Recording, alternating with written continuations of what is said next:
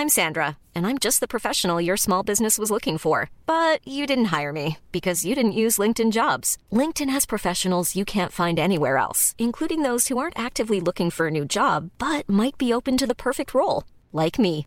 In a given month, over 70% of LinkedIn users don't visit other leading job sites. So if you're not looking on LinkedIn, you'll miss out on great candidates like Sandra. Start hiring professionals like a professional. Post your free job on linkedin.com/people today. Quality sleep is essential. That's why the Sleep Number Smart Bed is designed for your ever evolving sleep needs. Need a bed that's firmer or softer on either side? Helps you sleep at a comfortable temperature? Sleep Number Smart Beds let you individualize your comfort so you sleep better together. JD Power ranks Sleep Number number 1 in customer satisfaction with mattresses purchased in-store. And now, save 50% on the Sleep Number limited edition Smart Bed for a limited time. For JD Power 2023 award information, visit jdpower.com/awards. Only at a Sleep Number store or sleepnumber.com.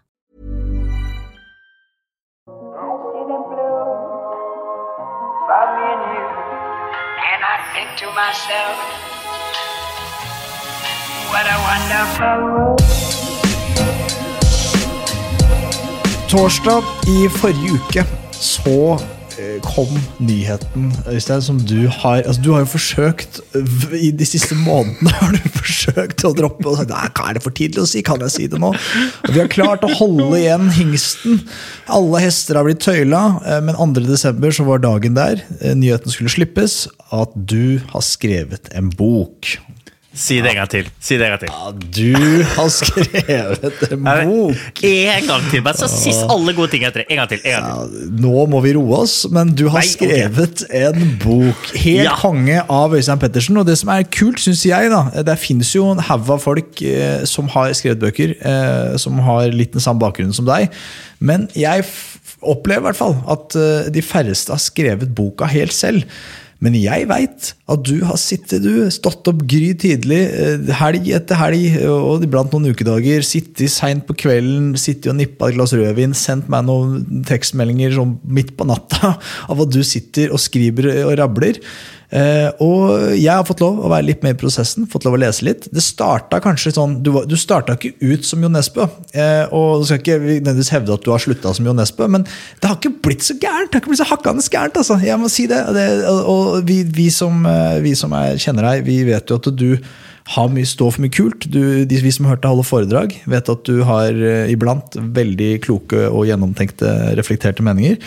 Og dette har du nå samla mellom to permer. Eh, Hvor mange sider var det det ble til slutt her? Det ble en del, altså. eh, rett under 300. Og det var, eh, det var redaktøren veldig fornøyd med. Ikke i betydning at det ble så langt, men at det ble så kort. Ja. Eh, så Men er det lov til å starte med noe så innmari utypisk norsk? Eh, ja. Jeg vet ikke hva som kommer nå, men jeg- svaret er vel nå, ja. nå kommer det skryting, og dette er ikke snikskryt. vet du. Jeg er altså så stolt at jeg har skrevet den boka. her. Bare sånn, Shit, pommes frites! Jeg laga en bok, ikke alene, selv om jeg har skrevet hvert ord selv. Jeg har gjort det sammen med dødsmange bra folk, men det, vet du, jeg tror faktisk at jeg er mer stolt av dette enn av alt jeg har fått til før eh, på jobb Jo, eller idrettsbad. jo, Jo, jo det, dette mener jeg. vet du. Jeg, jeg skrev en bok.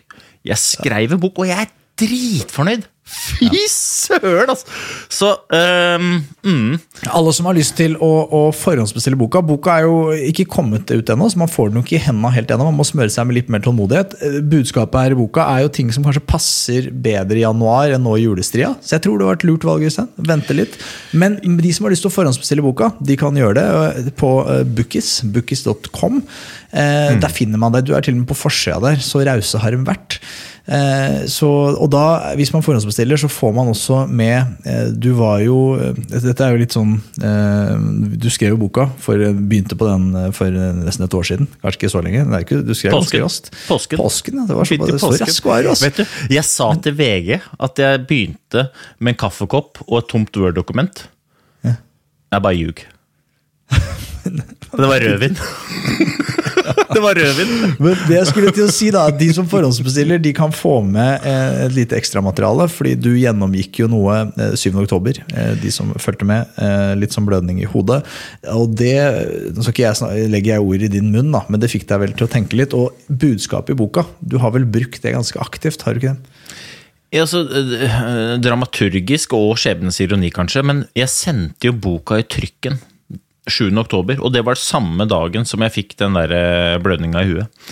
Um, og da fikk jeg syretesta budskapet i boka eh, på to, på to måter. Det ene er jo liksom budskapet rundt Vi har kanskje ikke sagt hva boka handler om, men boka handler om to ting. Det ene er hva jeg mener er eh, suksess. Høres innmari flåst ut, men dette mener jeg. Og det andre er jo hvordan jeg mener man skal få til det man har lyst til å få til. Eh, jeg har laget en universell metode for å få til det man har lyst til å få til, og det har jeg lært gjennom 20 år jobbenes i prestasjonskulturer hvor folk har vært ganske gode til å få til det de har lyst til å få til.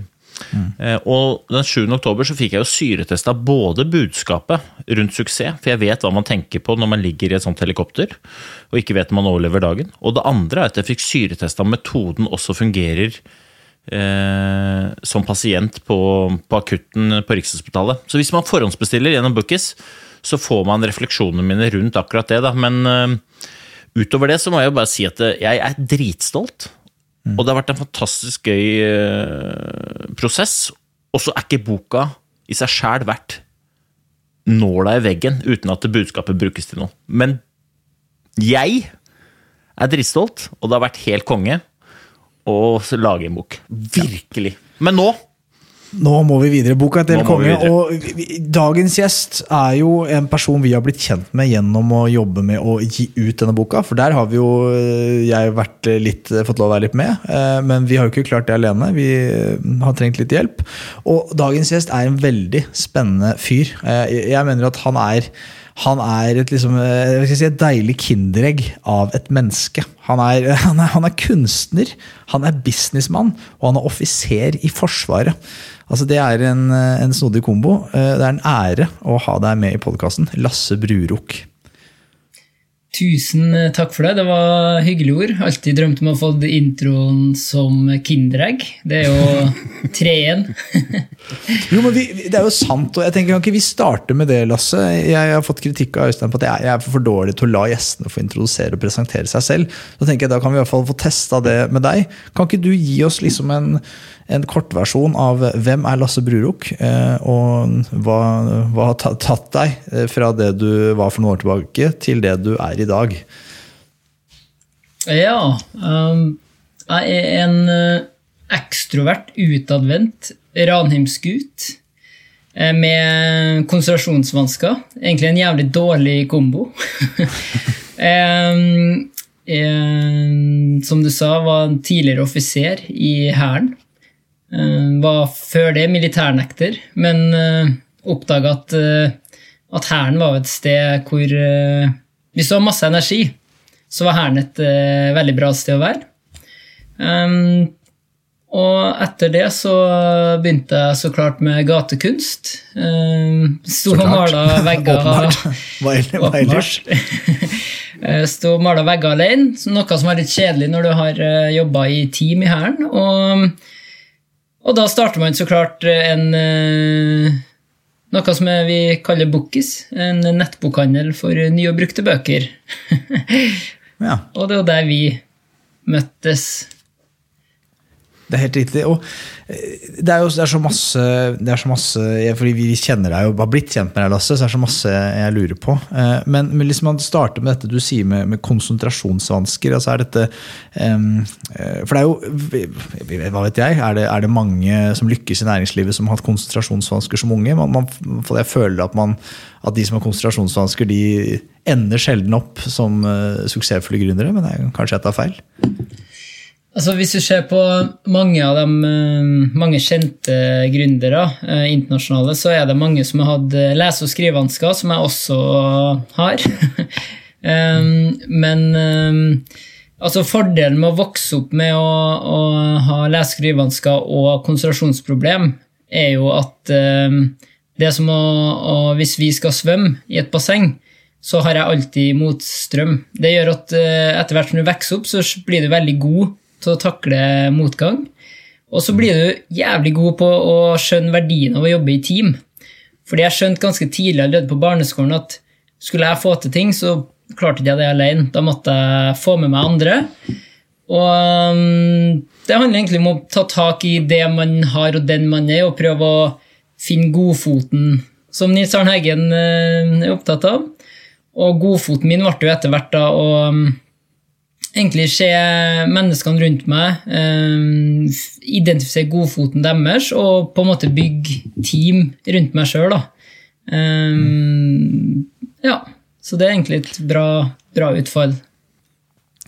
Vil du si at det opp gjennom oppveksten at du har tatt eh, valg på grunn av, eller på tross av, de utfordringene som du sier du hadde?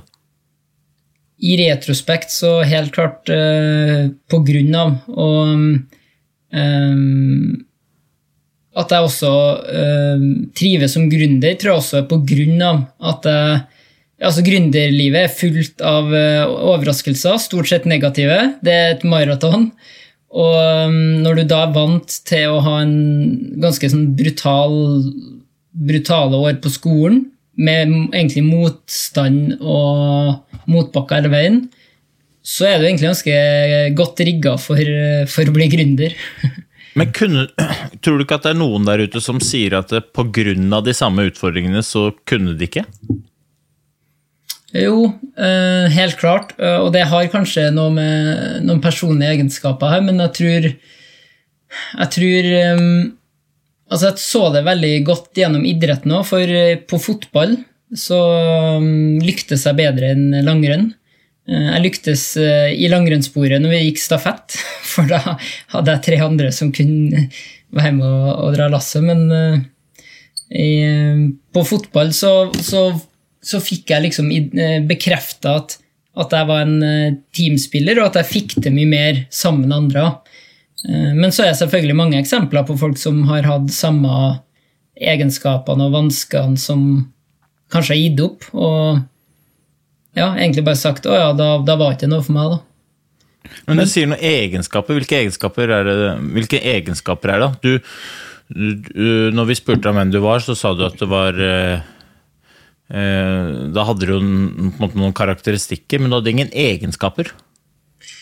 Altså, egenskapene eh, er jo, er jo konstant, sant. Så de Altså, atferden din kan jo eh, endre, men, men egenskapene dine er jo ifølge teorien konstante trekk, da.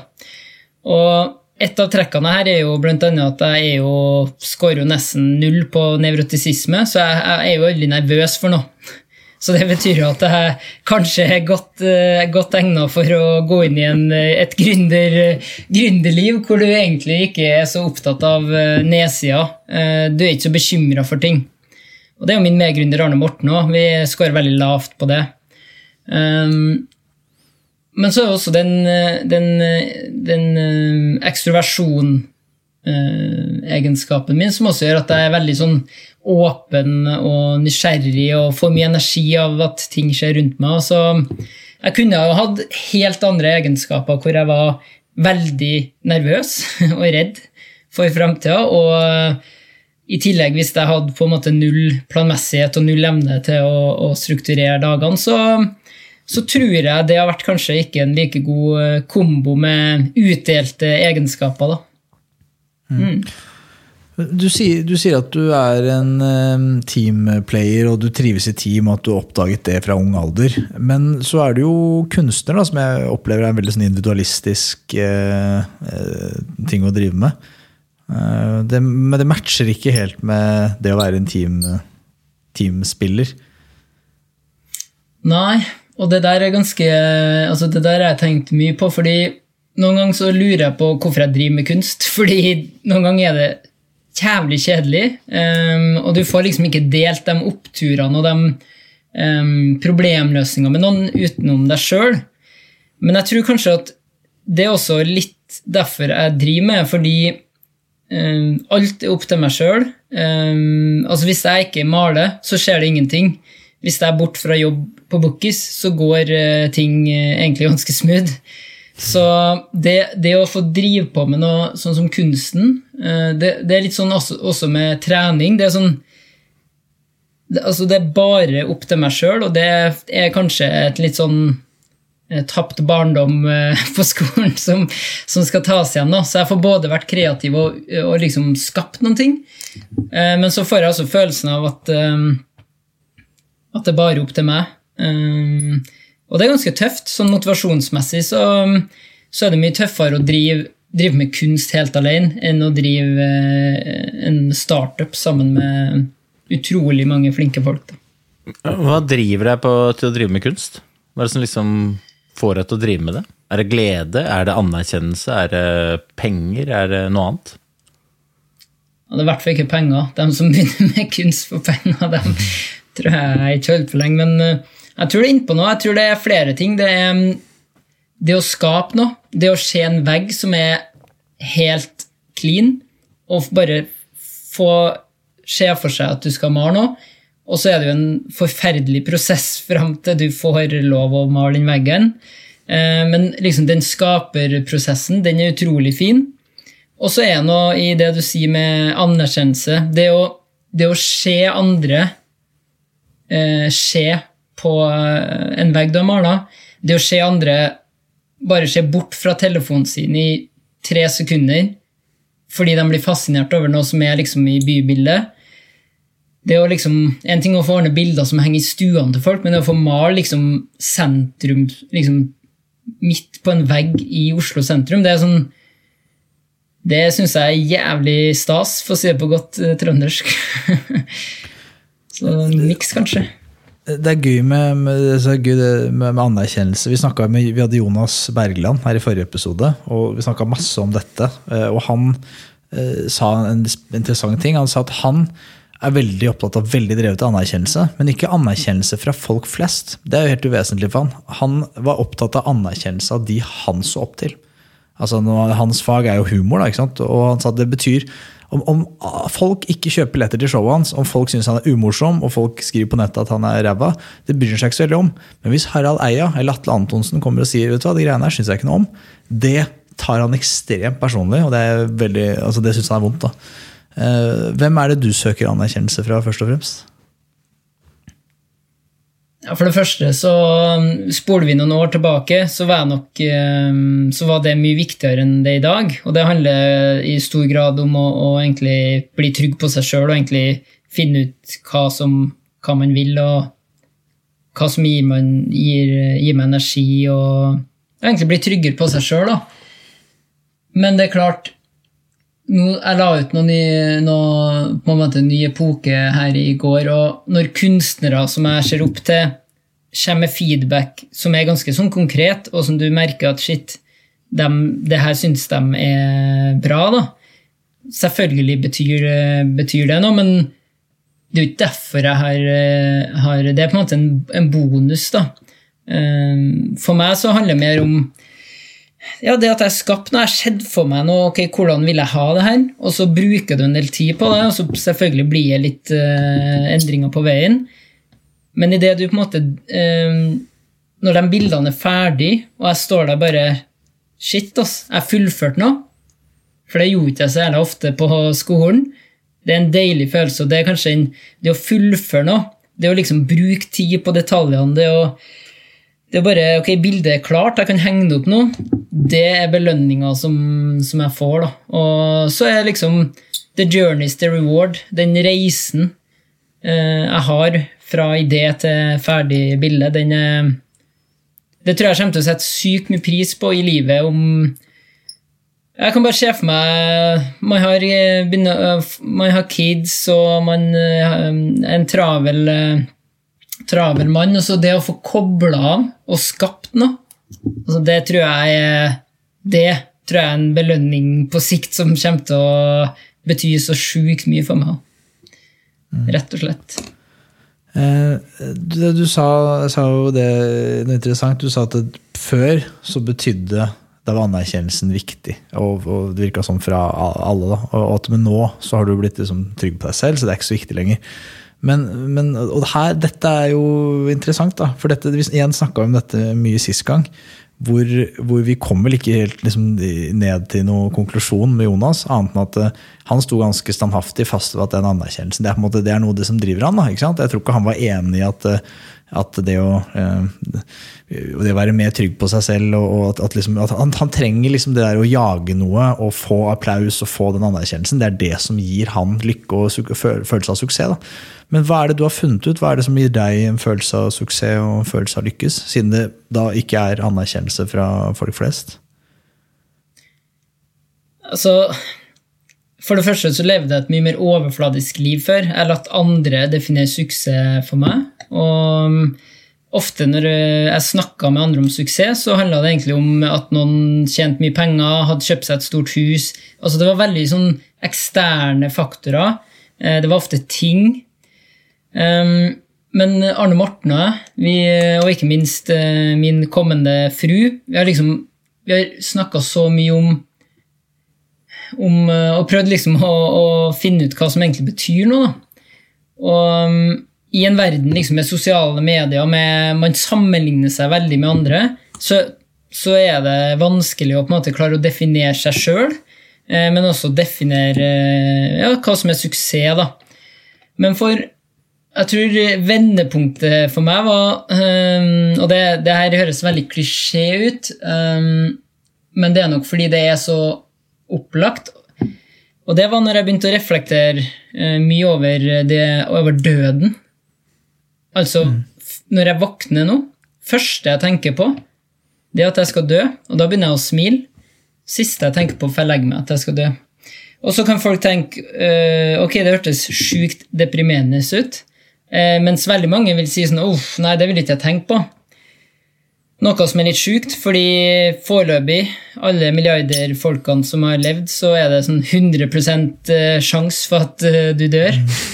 Um, og ja, gjennomsnitts levealder går opp, men det ser ikke ut som vi når 100, 100% med det første. Og det, det, er på en måte de refleksjonene har gjort, da, er at um, jeg ble mye mer kynisk på, på, hva jeg skal bruke tida mi på. Jeg ble mye mer kynisk på hva som gir eh, energi, hva som tar energi. Hva som gir liksom, Når jeg skaper verdi, hva som betyr noe. Og gjennom liksom, de refleksjonene der så har vi hatt noen skikkelig gode diskusjoner. Annet min medgründer Arne Morten. Vi har definert suksess som en følelse. Og suksess for oss det er at vi, når vi våkner om morgenen, så er vi gira på dagen og starte dagen og, og, og, drive med det vi gjør. Det er suksess for oss. Og så, og så kan jeg også begynne å dra inn uh, Mens før før så var ikke det suksess. Før var suksess at jeg kjørte Tesla, at jeg hadde god lønn. Det er sånn, Etter jeg ble gründer, lønna mi bare forsvant, basically. Aldri vært mer lykkelig da begynte jeg liksom å skjønne ok, her er noen andre ting eh, som betyr noe. Jeg, jeg lar meg fascinere av det. da. Første gangen jeg hørte om deg, Lasse, var jo eh, var i forbindelse med det selskapet som du og Arne Morten har gründa. Du skal få lov til å fortelle om det selv. Eh, men jeg, jeg lot meg òg fascinere over tankesettet deres. altså den, der, den kulturen som dere jeg vet ikke om det var en kultur dere skapte inni selskapet, eller om det var en kultur dere bygde selskapet med. Det kan du få svare på selv, men jeg husker jeg lot meg fascinere av at en sånn fyr som Det eneste feilen du hadde, var at du hadde capsen feil vei. Men det var sånn jeg tenkte, fadder'n, han her kjenner meg igjen i. Eh, jeg husker første gang vi prata sammen på telefon. Hvor jeg satt og tenkte bare sånn Shit, ja, men øh, hvis jeg skal gi ut en bok, så er det Jeg må gjøre det med de gutta her, fordi dette er jo det, Dette kommer jo til å bli dritbra, uansett om vi selger null bøker. Dette kommer til å bli dritbra. Men, men kan, du fortelle, kan, du ikke fortelle, litt om uh, selskapet? Og litt om den der uh, kulturen, eller drusing, da, som dere kaller det. Mm. Ja, og takk det samme. Min samboer sa jo etter jeg hadde prata med deg første gang, så sa Endelig fant dere hverandre. jeg var så stoka. så det, det, er gjensidig. Um, men Bookis var jo, um, bare for å ta det veldig, veldig, kort for dem som ikke vet hva Bookis er det var jo egentlig et, eh, et selvopplevd problem, som gründere ofte opplever et problem og, og vil løse et problem for seg sjøl, og, og finne ut at veldig mange andre har det problemet. Og for oss så var det at det var veldig tungvint å kjøpe og selge eh, brukte bøker.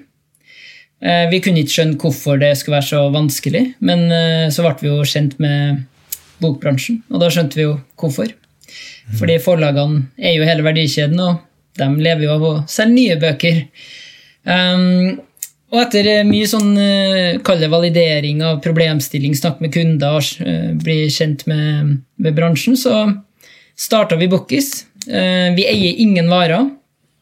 Uh, vi um, har bygd opp en nettside og en mobilapp hvor du kan kjøpe og selge brukte bøker, men du kan også kjøpe nye bøker, blant annet en av mine favoritter, Helt konge, som kan kjøpes der. Og i dag, Vi lanserte i romjula romjula 2017. I dag har vi 315 000 brukere, hvor ca. 90 000 av dem er i Sverige, som vi lanserte i september i fjor.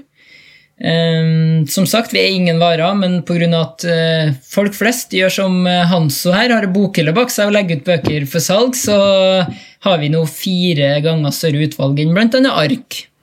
Og, hvorfor skal jeg eh, bruke Bookies? Hvorfor skal lytteren gå inn og sjekke ut Bookies? Altså, hva, er det, eh, hva er det du tilbyr oss som vi ikke har fra før av? Uh, for det første tilbyr jeg masse bøker du ikke har, for vi har et enormt utvalg. Uh, men uh, det at du kan velge å kjøpe brukt, det at du kan finne bøker du ikke finner noen andre plasser, fordi bransjen i stor grad har nye bøker, nyheter, så har vi på en måte hele halen. Så vi har bøker fra 70-tallet, vi har klassikere du, du opp, hadde som barnebøker sjøl, dem kan du finne igjen på Bookis.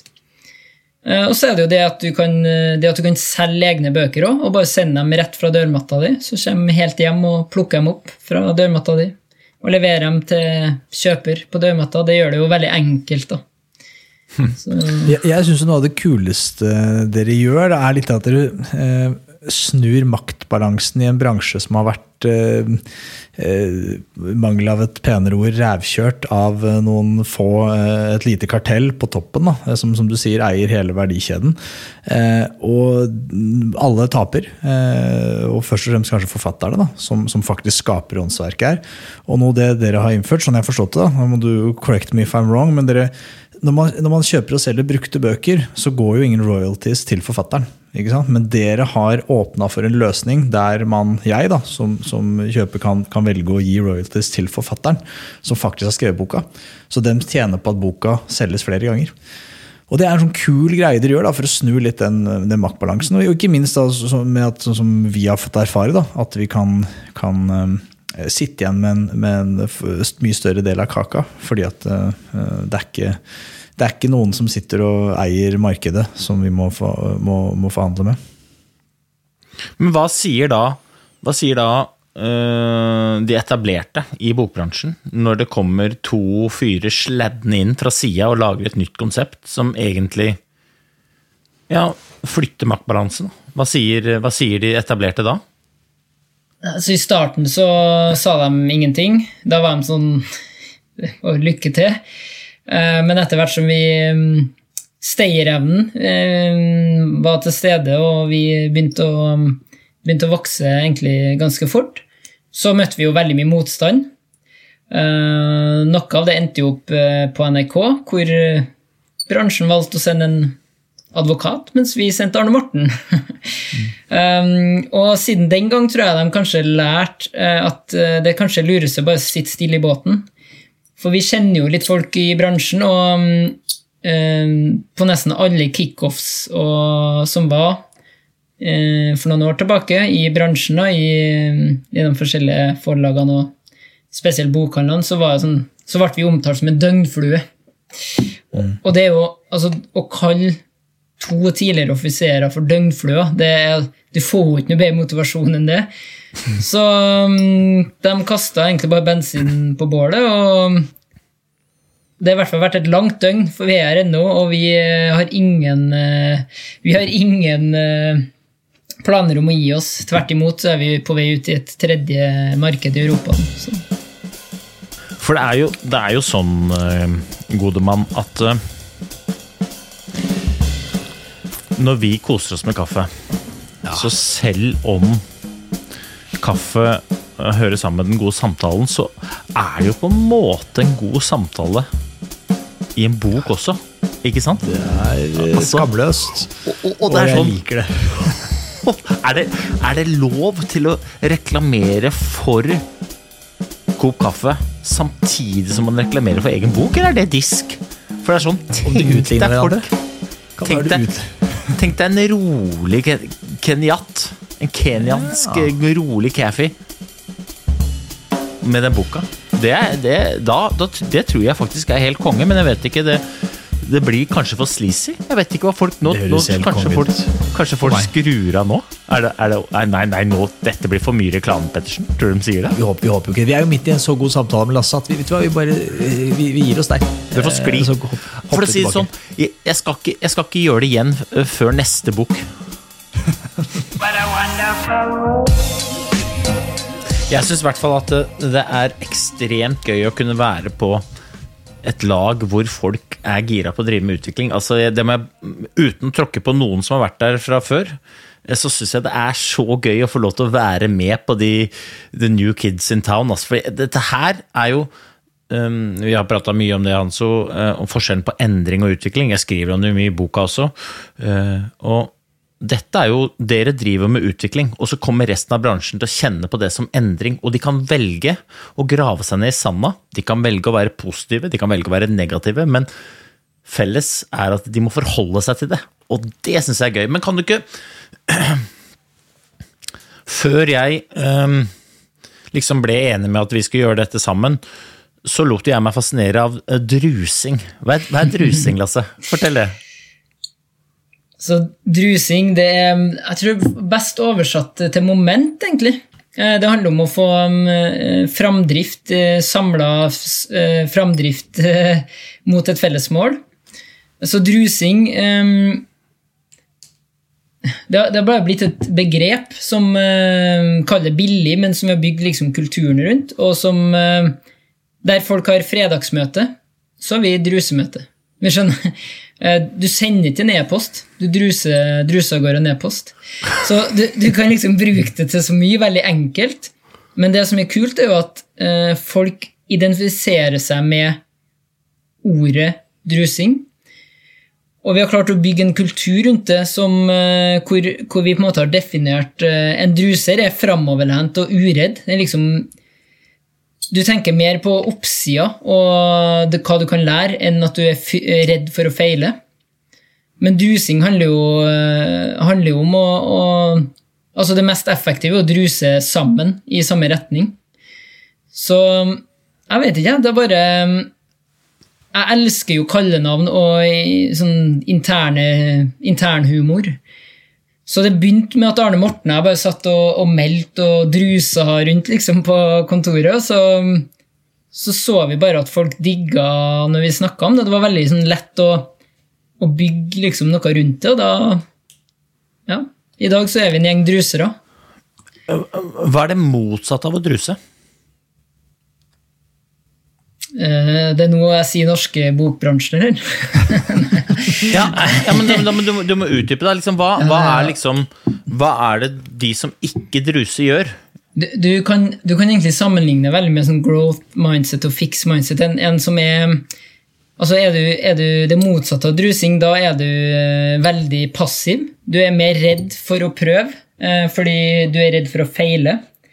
Um, du er um, Du ønsker egentlig ikke å jobbe sammen. Du ønsker egentlig um, Du suboptimaliserer gjerne, fordi det gagner deg short, short term. Da. Så altså det, du, du stagnerer, rett og slett. eh, hvis man ikke druser, så, så stagnerer det. Og da, det er som du sier, du slutter å utvikle deg. Du, du kommer deg rett og slett ikke samla av gårde i, i, mot samme mål. Da.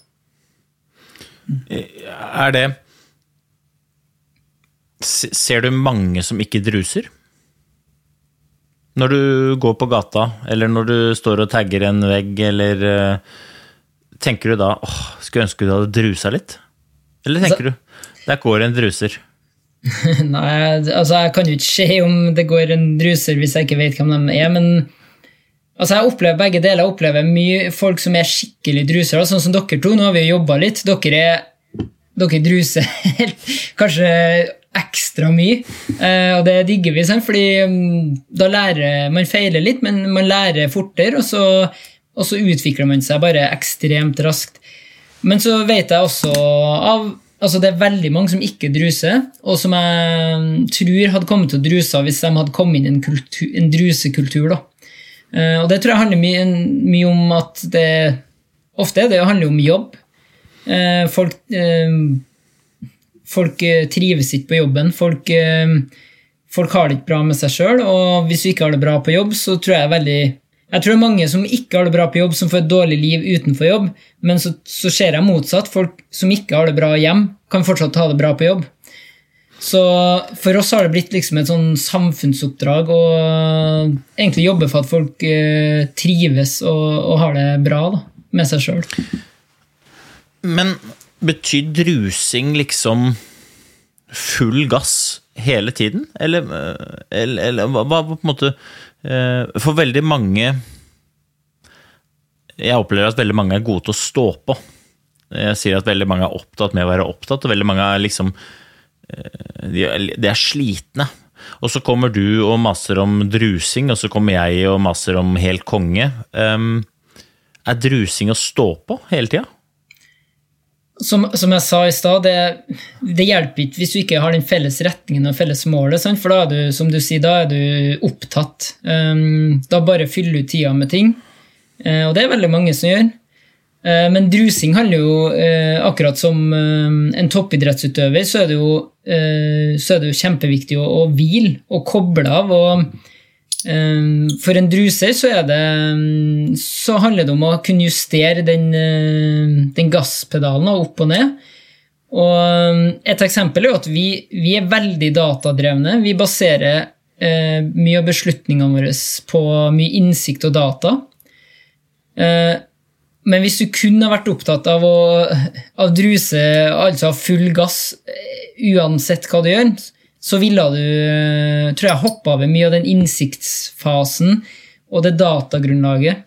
Så eh, det handler jo selvfølgelig også om å Igjen, hvis du vet hvor du skal, eh, så er det mye lettere for folk å druse òg. Så hvis mm. våre du sa, jo, du sa jo noe interessant der i starten, for du sa jo at du var veldig opptatt av å på en måte styre tida di rundt hva som gir energi, og hva som tar energi, og være veldig bevisst på det. Da. Sånn, der tror jeg veldig mange eh, bommer litt. Eh, med fare for å generalisere, så føler jeg at folk kanskje i for stor grad har klampen i bånn hele tiden, og så er de ikke så bevisst på når de i løpet av dagen eller når de i løpet av uka si faktisk fyller på med energi. Da. Eh, og nå står vi jo i en situasjon hvor og dette vet jo jeg, for jeg har jobba mye med folk gjennom, uh, gjennom, pandemien og den forrige nedstenginga. Og folk var rett og slett slitne. ikke sant? Folk var bare, Det var klampen i bånn hele tida, og hjemmekontor gjorde at det, uh, det var aldri pauser. Og nå tror jeg folk frykter den perioden vi går inn i, da, fordi at nå kan det jo bli en ny nedstenging. det kommer, kanskje kommer det nye retningslinjer i morgen, og liksom um, da tror jeg, i, i mitt hode, med fare for å stjele ditt begrep, men hvis man skal druse nå, så tror jeg man skal være superkynisk på hva som faktisk gir energi. Da. Sånn at man har mulighet til å druse når man må, uh, må gjøre noe som krever energi. Jeg vet ikke hva du tenker om det? Jeg tenker at vi um jeg tenker at man ikke trenger en nedstengning eller en pandemi for å mm, være opptatt av eh, tida si og hva som gir og tar energi. Det føler jeg egentlig det er litt problemet. Eh, jeg føler jo at veldig mange får en aha-opplevelse i livet når de, ja, som det som skjedde med deg, holder på å stryke med. Da først innser de at fader, jeg har ikke så lang tid igjen. Eller hvis man får en, en diagnose eller man blir syk da, da, skal man begynne å bli eh, bevisst på tida si. Men hvis, hvis du ser liksom på, på tid som, som liksom en ikke-fornybar ressurs, um, så tror ikke jeg Altså, folk, folk latt um, hvis, noen, hvis det kommer en fremmed person og stjeler en ting fra deg, en lypsyl, så vil, er veldig mange av folkene jeg kjenner, vil ha nesten slåss med vedkommende å få tilbake den lypsylen. Men tida, tida si lar de folk stjele hver jævla dag, hele jævla tida. Det syns jeg er ganske trist. Og det er poenget med å reflektere over at du skal dø. At tida di altså det er gone. Altså det, det, er ingenting å gjøre noe med. Du kan dra med deg noe læring, du kan på en måte eh, evaluere ting, men altså det, det, er gone, og det er derfor jeg tror folk har godt av å bli mer bevisst. Hva bruker du tida di på? For hvis du ser for deg at tida di er liksom penger, og du bare får å dele ut sånn Hvis det har vært jævlig mangel på vann altså Det var det i Oslo her for to år siden, og da var det ikke lov å bruke vannslangen. Men tida di, som vi vet er slutt en dag, det bare waster vi som uh, ingenting, da. Og det er egentlig det jeg har, er glad jeg har uh, på en måte innsett gjennom de refleksjonene. Og det, det gjør at vi uh, jeg, er ekstre, jeg er kjent for å svare veldig treigt på e-poster. Fordi jeg mener at det er ikke e-post-innboksen min at jeg skaper verdi. Jeg skaper verdi når jeg sitter og deepworker, når jeg jobber med innsikt, når jeg jobber med eh, oppfølging og lede eh, flokken i, i Bookis. Ikke inn i innboksen min. Eksempelvis, da. Um, så det som du snakker om, det at man kommer hjem og bare og 'I dag har jeg vært opptatt', eller 'i dag har jeg vært travel', versus 'i dag rakk jeg én ting av ti', men den tingen, det var det aller viktigste'. Så i dag er jeg jævla fornøyd, fordi jeg har tatt oss nærmere målet. Og det er vel litt det jeg Når jeg uh, sier til folk at uh, Kjøp gjerne boka, liksom. Les gjerne boka, men den, den, er jo ikke verdt noe uten at du bruker det til. Det er litt det jeg prøver å si. Og så er det sånn Du toucher innom temaer som alle vet. ikke sant? Ja, du har begrensa med tid. Ja, Rekk opp hånda den som ikke har fått med seg det. da, ikke sant? Og det har de fleste fått med seg, men det spiller jo ingen rolle om du har fått det med deg. Eh, hvis ikke du faktisk eh, altså Du får ikke gjort så innmari mye med det, men i hvert fall bruker det som et godt insentiv til å få mest mulig ut av den tida du har fått. Da. Ikke betydningen gjøre mest, men bruk mest mulig tid på de tingene som faktisk betyr noe. For det er det det dreier seg om til slutt, uh, liksom når alt koker ned til alt. Altså, det, det er spot on. Jeg møter folk da som sier um, ah, 'Du er så heldig som, uh, som liksom uh, har så mye energi og rekker så mye.' Og så er, da er jeg sånn hadde du sagt til Klæbo å, du er så heldig, du er i så god form. altså, han har gjort bevisste valg på hva som tar deg nærme målet, altså hva som skaper verdi, og hva som ikke skaper verdi. Du vil gjøre mest mulig av minst mulig. Du vil gjøre mest mulig av det som skaper verdi, og minst mulig av det som ikke skaper verdi. Og når folk da sier 'Å, du er så lykkelig, og du er så heldig', da blir jeg 'Å, du, så, altså, du rekker å lese bøker', du er liksom så sier jeg hvorfor leser ikke du bøker, da? Nei, jeg har ikke tida. Og så sier jeg ok, hva Nei, jeg har ikke sjans, liksom. Så sier jeg ok, kan jeg få sjekke mobilen din, hvor mye tid du bruker på Instagram, Facebook, Snapchat? Så ser jeg. Bare med å halvere tida der, så leser vi en bok i måneden. Det er tolv bøker i året. Oi. Altså, det, som du sier, det er, alle vet det, men folk vet ikke det. Skjønner, fordi de er så opptatt med å være opptatt, og jeg blir så trist når jeg møter, jeg møter så mange som bare å nei, det er så lenge siden, og det er så travelt. og det, så, sånn, så, spør de meg, da, så ja, det er sikkert et helvete for deg, du som er gründer. Så sier jeg sånn Nei, det, det er faktisk ikke Og så blir de bare sånn Ja, nei, men du altså, du jobber sikkert uh, deg i hjel, og Nei. Nei. Og da er jeg sånn Fordi jeg har tatt, gjort noen valg, og jeg reflekterer over hva jeg har lyst til å bruke tida mi på. Og det gjør jo at jeg altså ni av ti e-poster svarer jeg aldri på, fordi jeg mener at de ikke skaper noen verdi for meg eller selskapet. Og når da folk skal selge deg noe dritt som du ikke trenger, hvis du svarer nei takk, så får du en e-post tilbake. 'Den er god.' Da har du lagt opp til å waste enda mer tid, sant? så da er det bedre å bare slette og få det bort. Eksempelvis, da. Hvis um, Nå er det noen som hører på deg, Lasse, som uh, tenker sånn Faderen, ok, ja, men da, da, sender jeg Lasse en uh, mail, og så spør jeg meg ja, men gi meg et godt råd. da. Skal, hva er det jeg skal gjøre for å Jeg har en drøm, eller jeg har lyst til å gründe noe, eller Hva er, det, hva er dine beste råd for å få til det folka der ute har lyst til å få til? Altså, Var det lurespørsmål, siden de skulle sende meg en e-post?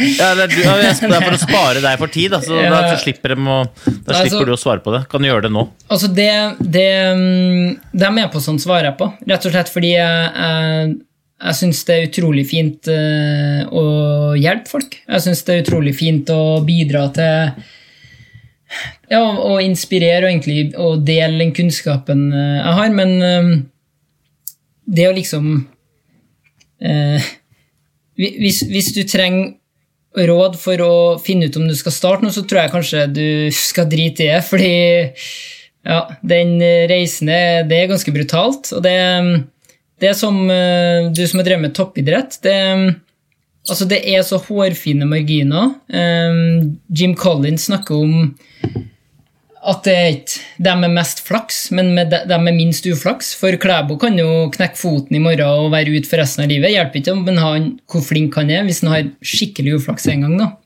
Så det å liksom øh, øh, Hvis du er veldig usikker på om du skal starte nå, øh, så ville jeg i hvert fall starta med noen andre. For da er det, det, er, mye, det er en mye finere opplevelse å dele de opp- og nedturene sammen med noen enn å stå i det alene. Så det tror jeg kanskje er det Hvis jeg skal gi det tips, så, så tror jeg det er det, altså. Men tror du det er tøffere å gjøre et ærlig forsøk på å få til noe du har lyst til å få til, enn det er å ikke gjøre det og bare være opptatt med andre ting? Altså, jeg jo mener jo åpenbart at, det er, at du vil heller angre på at du prøvde, enn at du ikke prøvde. Og den læringa her er jo kjempenyttig. Um, men jeg ser jo at veldig mange er um, veldig redd for uh, De er mer redd for å, at alt som går galt, og at de mister ansikt. Igjen, da. Hvis suksess er definert som at andre mener at du skal oppnå noe, så tror jeg det er veldig mye vanskeligere å, å komme i gang enn hvis suksess for deg er at shit, så jævlig mye jeg har lært nå. Så um, jeg tror kanskje man må starte hvert med å se seg i speilet og, og ha en avklaring på Ja, å stille seg de spørsmålene der, da. Eh, Jeg, jeg digga den definisjonen din på suksess. Det at du står opp hver morgen med en sånn livsgnist til å angripe dagen, fordi du veit at i dag skal jeg gjøre ting jeg, som gir meg energi. Eh, Og ikke minst refleksjonene dine om, eh, om tid. At det er ingenting som bør få deg, få deg opp om morgenen og få deg til å angripe det som faktisk betyr noe for deg, enn det faktum at du kommer til å dø. Du skal dø. Og, og det å møte det med et smil, det, den vissheten, det er, det, er, det er mektig. Men uh, tilbake litt til Bookies og til businessen her. Hva, hva er målet? Hva er målet deres med Bookis? Altså, vi, har, vi er jo veldig glad i reisen, da, fordi vi rett og slett er så glad i å lære ting. Eh, Det er jo derfor vi faktisk drives veldig av problemer. Eh, Fordi problemer er Altså, det er veldig Man blir veldig knytta som, som team òg når man løser problemer sammen. Så Arne Morten og jeg pleier å si også klisjé, men 'the journey is the reward', og det er vi veldig opptatt av, fordi mange kommer og sier til oss 'Å, dere lykkes', og så bare sånn Altså, vi Har du sett regnskapet vårt, liksom? Vi går i, i minus, og det synger etter. Men, så vi føler jo hele tida at vi så vidt har begynt. Men det er jo ingen tvil om at Bookies handler jo om noe som er mye større enn oss sjøl. Jeg lurer på om det var Sony back in the days som hadde en visjon som ikke handla om Sony, men som handla om Japan. Vi skjønner, de, de, de skulle få sette landet eh, på kartet. Og for oss så handler det om, eh, om eh, Altså, vi driver jo med delingsøkonomi. Vi gjør noe som er bra for kloden. Det er mye større enn oss sjøl, og det trengs. Flere bedrifter bør eh, ha fokus på det. Eh, men vi driver også nå med å jobbe for forfattere eh, som eh, i snitt tjener fryktelig dårlig, og som for, fortjener mye mer cred og mye mer eierskap liksom, De fortjener mye mer enn de får, sånn som eh, dagens bransje rigga. da. Så det som er For å dra litt tilbake til målet Vi, vi skal ta Bookies ut i verden nå. Vi skal begynne med Europa. Og mm, vi skal, vi skal ordne en, eh, en, eh, en plattform som er, som er dritbra for to grupper. For leseren og for forfatteren. Vi skal naile det for leseren og for forfatteren.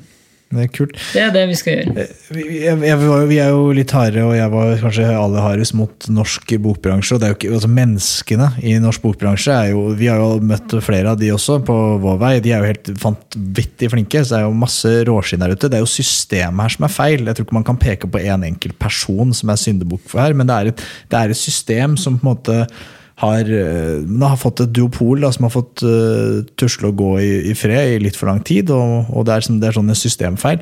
Er dette unikt for Norge, eller er det det samme? For det, det åpner jo for en enorm opportunity, og det er det jeg synes er kult med dere. Dere er jo opprørere. Dere kommer inn og ser at ja, men, okay, det faktum at det er et systemfeil, istedenfor å gjøre sånn som de fleste andre gjør, da, sitter med pensumbøkene sine på Handelshøyskolen og, og sutrer over at her er det en feil, dette er dumt, så ser dere en enorm opportunity. Ja, det er en feil her, men det er jo en kjempemulighet til å komme inn og fikse det. Eh, For vi kan gjøre det bedre, som du sier, for de gruppene som faktisk betyr aller mest, og de som har, har definisjonsmakten her. Og det er først og fremst sluttbrukeren, altså oss lesere, vi som liker å lese bøker. Og også forfatteren, da, som skaper alt innholdet. Uten de så dør jo hele verdikjeden. Alt er ferdig, da.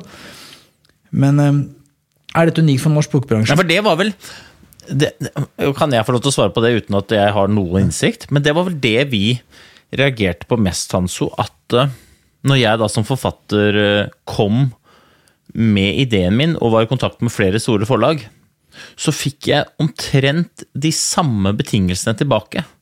Og de betingelsene var ganske dårlig sett opp imot hvem det var som skulle gjøre jobben, og hvem som på en måte kom med budskapet. Og det, og det andre var at jeg fikk forståelsen av, og der kan du korrigere meg, Lasse, hvis jeg tar feil, men det andre var at jeg fikk forståelsen av at hvis jeg skrev en bok med et budskap jeg virkelig brenner for og tror på, er, har lært og erfart og jobba med marinert, og hvis jeg skriver den boka og gir ut den på et forlag, så er det ikke jeg som eier budskapet lenger.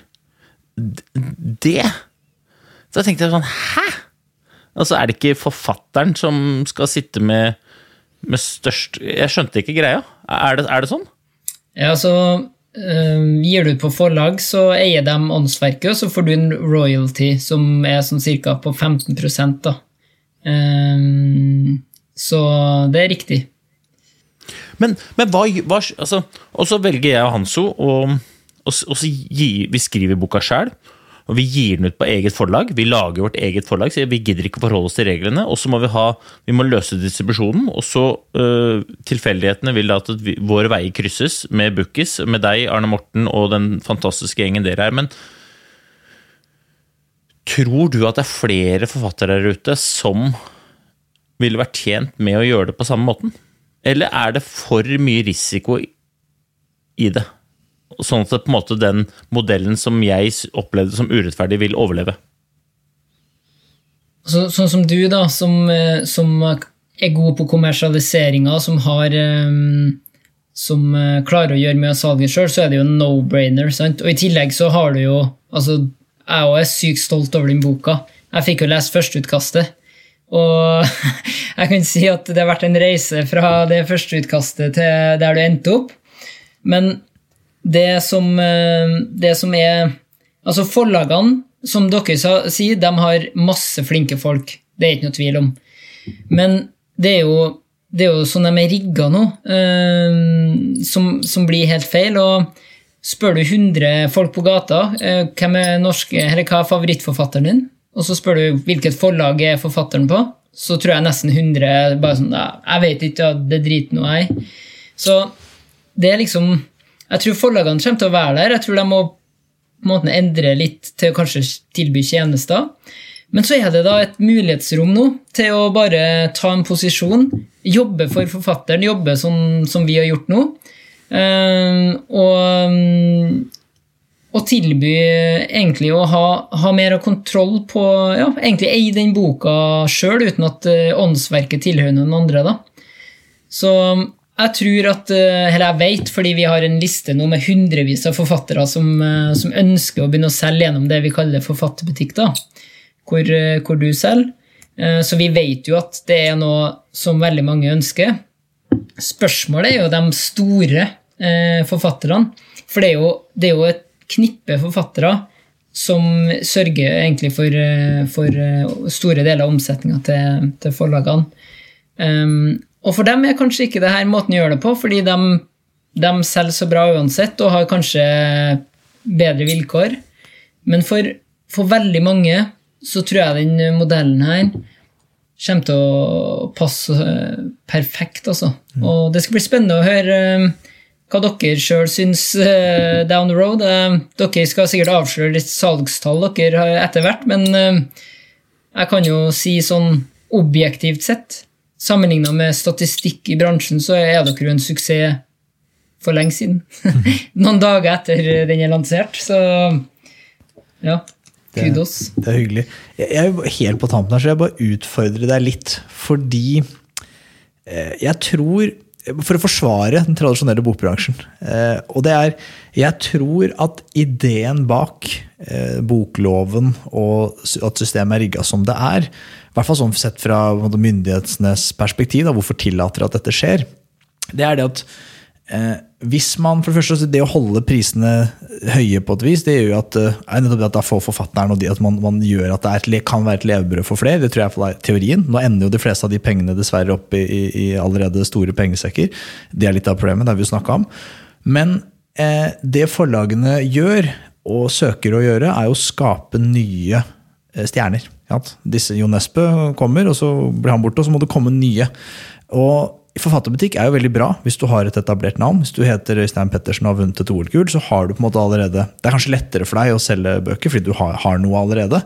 Eh, men hvis du hvis du heter Hans Olav Ingholm, da, for eksempel, og ikke har, har det samme, den samme slagkraften, men sier du har laget en, en tilnærmet like god bok, så eh, hvordan kunne jeg altså Da vil et forlag kunne investere penger, ta penger fra Jo Nesbø-potten og investere i å skape et nytt talent, da, hvis de mener at de er flink.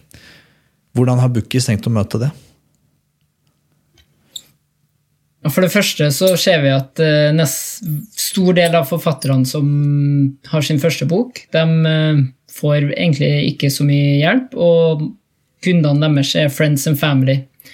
Det vil jo si at hvis du eh, vet uansett at du må stå for mesteparten av salget, hvorfor ikke få 80 av salget enn eh, 15 Så det er jo det ene. Eh, Det andre er at vi har Ulest, som er rett og slett en, en en plattform hvor vi løfter fram ukjente forfattere. Så mm, jeg tror For å være helt ærlig, så er et av de største problemene med de forfatterne som kommer til oss fra etablerte forlag, er at, eh, som Øystein eh, eller som dere sier her i stad, man må gjøre nesten all jobben på markedsføring sjøl. Du, altså du får veldig flinke folk som hjelper deg å utvikle inn boka, men deretter så er jeg veldig mye opp til deg, til sjøl, og det er da liksom verdiforslaget i forfatterbutikk eh, virkelig eh, kommer fram, hvor du da eier åndsverket og sitter igjen med en 80 i stedet for 15 da. Så da, hvis du klarer bare å selge hvis du klarer å selge halvparten av bøkene som eh, forlagene gjør for deg, så vil du fortsatt tjene mer penger. Og så er det jo òg gøy å utfordre etablerte, da, for det er det utvikling dreier seg om. Da. Det er det jeg syns er innmari gøy med dette. Liksom. Eh, for det er som dere sier innledningsvis, at det er ikke første gang noen skriver en bok. Det er det ikke. Og i hvert fall ikke idrettsutøvere eller tidligere idrettsutøvere, eller kall det hva du vil. Men uh, det er jo innmari gøy å skrive boka og eie prosessen fra A til Å, gi den ut på eget forlag og selge den gjennom noen fremoverlente karer med caps. Altså. For det det er det ikke så mange som gjør, men, men vi gjør det sammen med dere, og jeg, jeg gleder meg til å pushe dere. Jeg håper at folk blir litt nysgjerrig på det Bukkis-greiene. Det må i hvert fall gå inn. Jeg sa jo til deg, Lasse, at målet må jo være 500 000 før eh, Sa jeg påsken, eller sa jeg sommeren? Jeg vet ikke, men altså Jeg kan godt si påsken, ja. Altså for 500 000 folk der ute som er glad i bøker, og som har lyst til å løfte fram et bra produkt. Det er jeg overbevist om at det finnes der ute. Absolutt. Og jeg må bare si jo at um, altså Forfatterbutikk har bare fått eh, maks eh, fuel på raketten nå, altså etter den prosessen vi har hatt med dere. Og, og som jeg sa i stad, altså den boka der, stolt sjel, jeg syns det er jævlig kult, det dere har fått til. Så um, ja, jeg, jeg gjør et testkjøp hver dag nå. Så det, Bra. det er bra. da blir det bra. Og derfor tallene er så gode! Det er selvfølgelig derfor tallene er så gode. Søren! Vi som håpa det var faktiske kjøpere. Nei, men det, det er kjempebra. Og veldig mye av det du sier og snakker om, det er jo ting jeg har lest og hørt før av uh, han andre i rommet her. Eh, dere er jo enige om veldig mye. Eh, dere sier det kanskje på litt ulike måter, men essensen er i veldig stor grad den samme, uten å røpe hele boka. Øystein, Det er ikke meninga. Det er eh, fortsatt verdt å, å, å, å kjøpe den og lese den. Og det du sier da, forfatterbutikk er fremtiden, uh, uavhengig av hva hensikten bak boklova som var. Du har helt rett. Den, det, jeg tror, det, Beviselig så fungerer det ikke. Uh, og det er så viktig da, at det er innovatører der ute som, som eh, går inn og, og utfordrer og gjør litt opprør. Det heier vi så innmari på. Kjempegøy for å være en del av det. Så jeg vet ikke om det er noe mer å si, annet enn takk for tiden. Og så må vi håpe at folk er nysgjerrige på både Bukkis og på Helt konge og på, alt. Ja, for det, er jo akkurat det. Det, jo, det har vært helt konge å ha det her, Lasse. Og jeg også er jo som deg, da jeg definerer følelser som en konge, og det er tittelen i, i boka også. Um, og så gleder jeg meg til turen videre. Og så er det veldig gøy da, Hans, at du nå endelig kan komme ut av skallet som forlagssjef. Det har vært eh, Det er utrolig Og det er jo en tittel du bare har tatt fra meg. Eh, vi har aldri hatt en diskusjon, men nå er det offisielt. Du får den. Jeg har ingen Jeg, jeg bryr meg ikke noe om titler og fjas og sånne ting. Forlagssjef Hans Olav Ingholm, nå kan du få avslutte podkasten akkurat som du vil. For det er du som er øverste leder, og det er øverste leder som har siste ordet. Leaders eat last. det er godt å vite at, eh, at skapet er satt, og at rollene er fordelt. Eh, jeg, jeg tror ikke at det er noe annet å si, annet enn at eh, Lasse, takk for tiden. Forlagssjefen har banka bordet, og så sier vi bare shalabais! What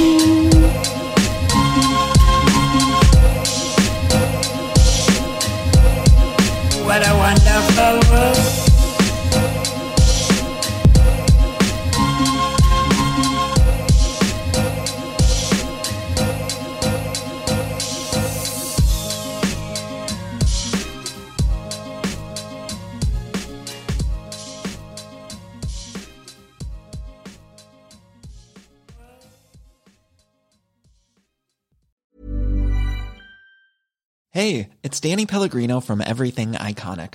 Ready to upgrade your style game without blowing your budget? Check out Quince. They've got all the good stuff shirts and polos, activewear, and fine leather goods, all at 50 to 80% less than other high end brands. And the best part? They're all about safe, ethical, and responsible manufacturing. Get that luxury vibe without the luxury price tag. Hit up quince.com slash upgrade for free shipping and 365 day returns on your next order. That's quince.com slash upgrade. Even when we're on a budget, we still deserve nice things. Quince is a place to scoop up stunning high-end goods for 50 to 80% less than similar brands. They have buttery soft cashmere sweaters starting at $50, luxurious Italian leather bags, and so much more. Plus, Quince only works with factories that use safe, ethical, and responsible manufacturing. Get the high-end goods you'll love without the high price tag with Quince. Go to quince.com slash style for free shipping and 365-day returns.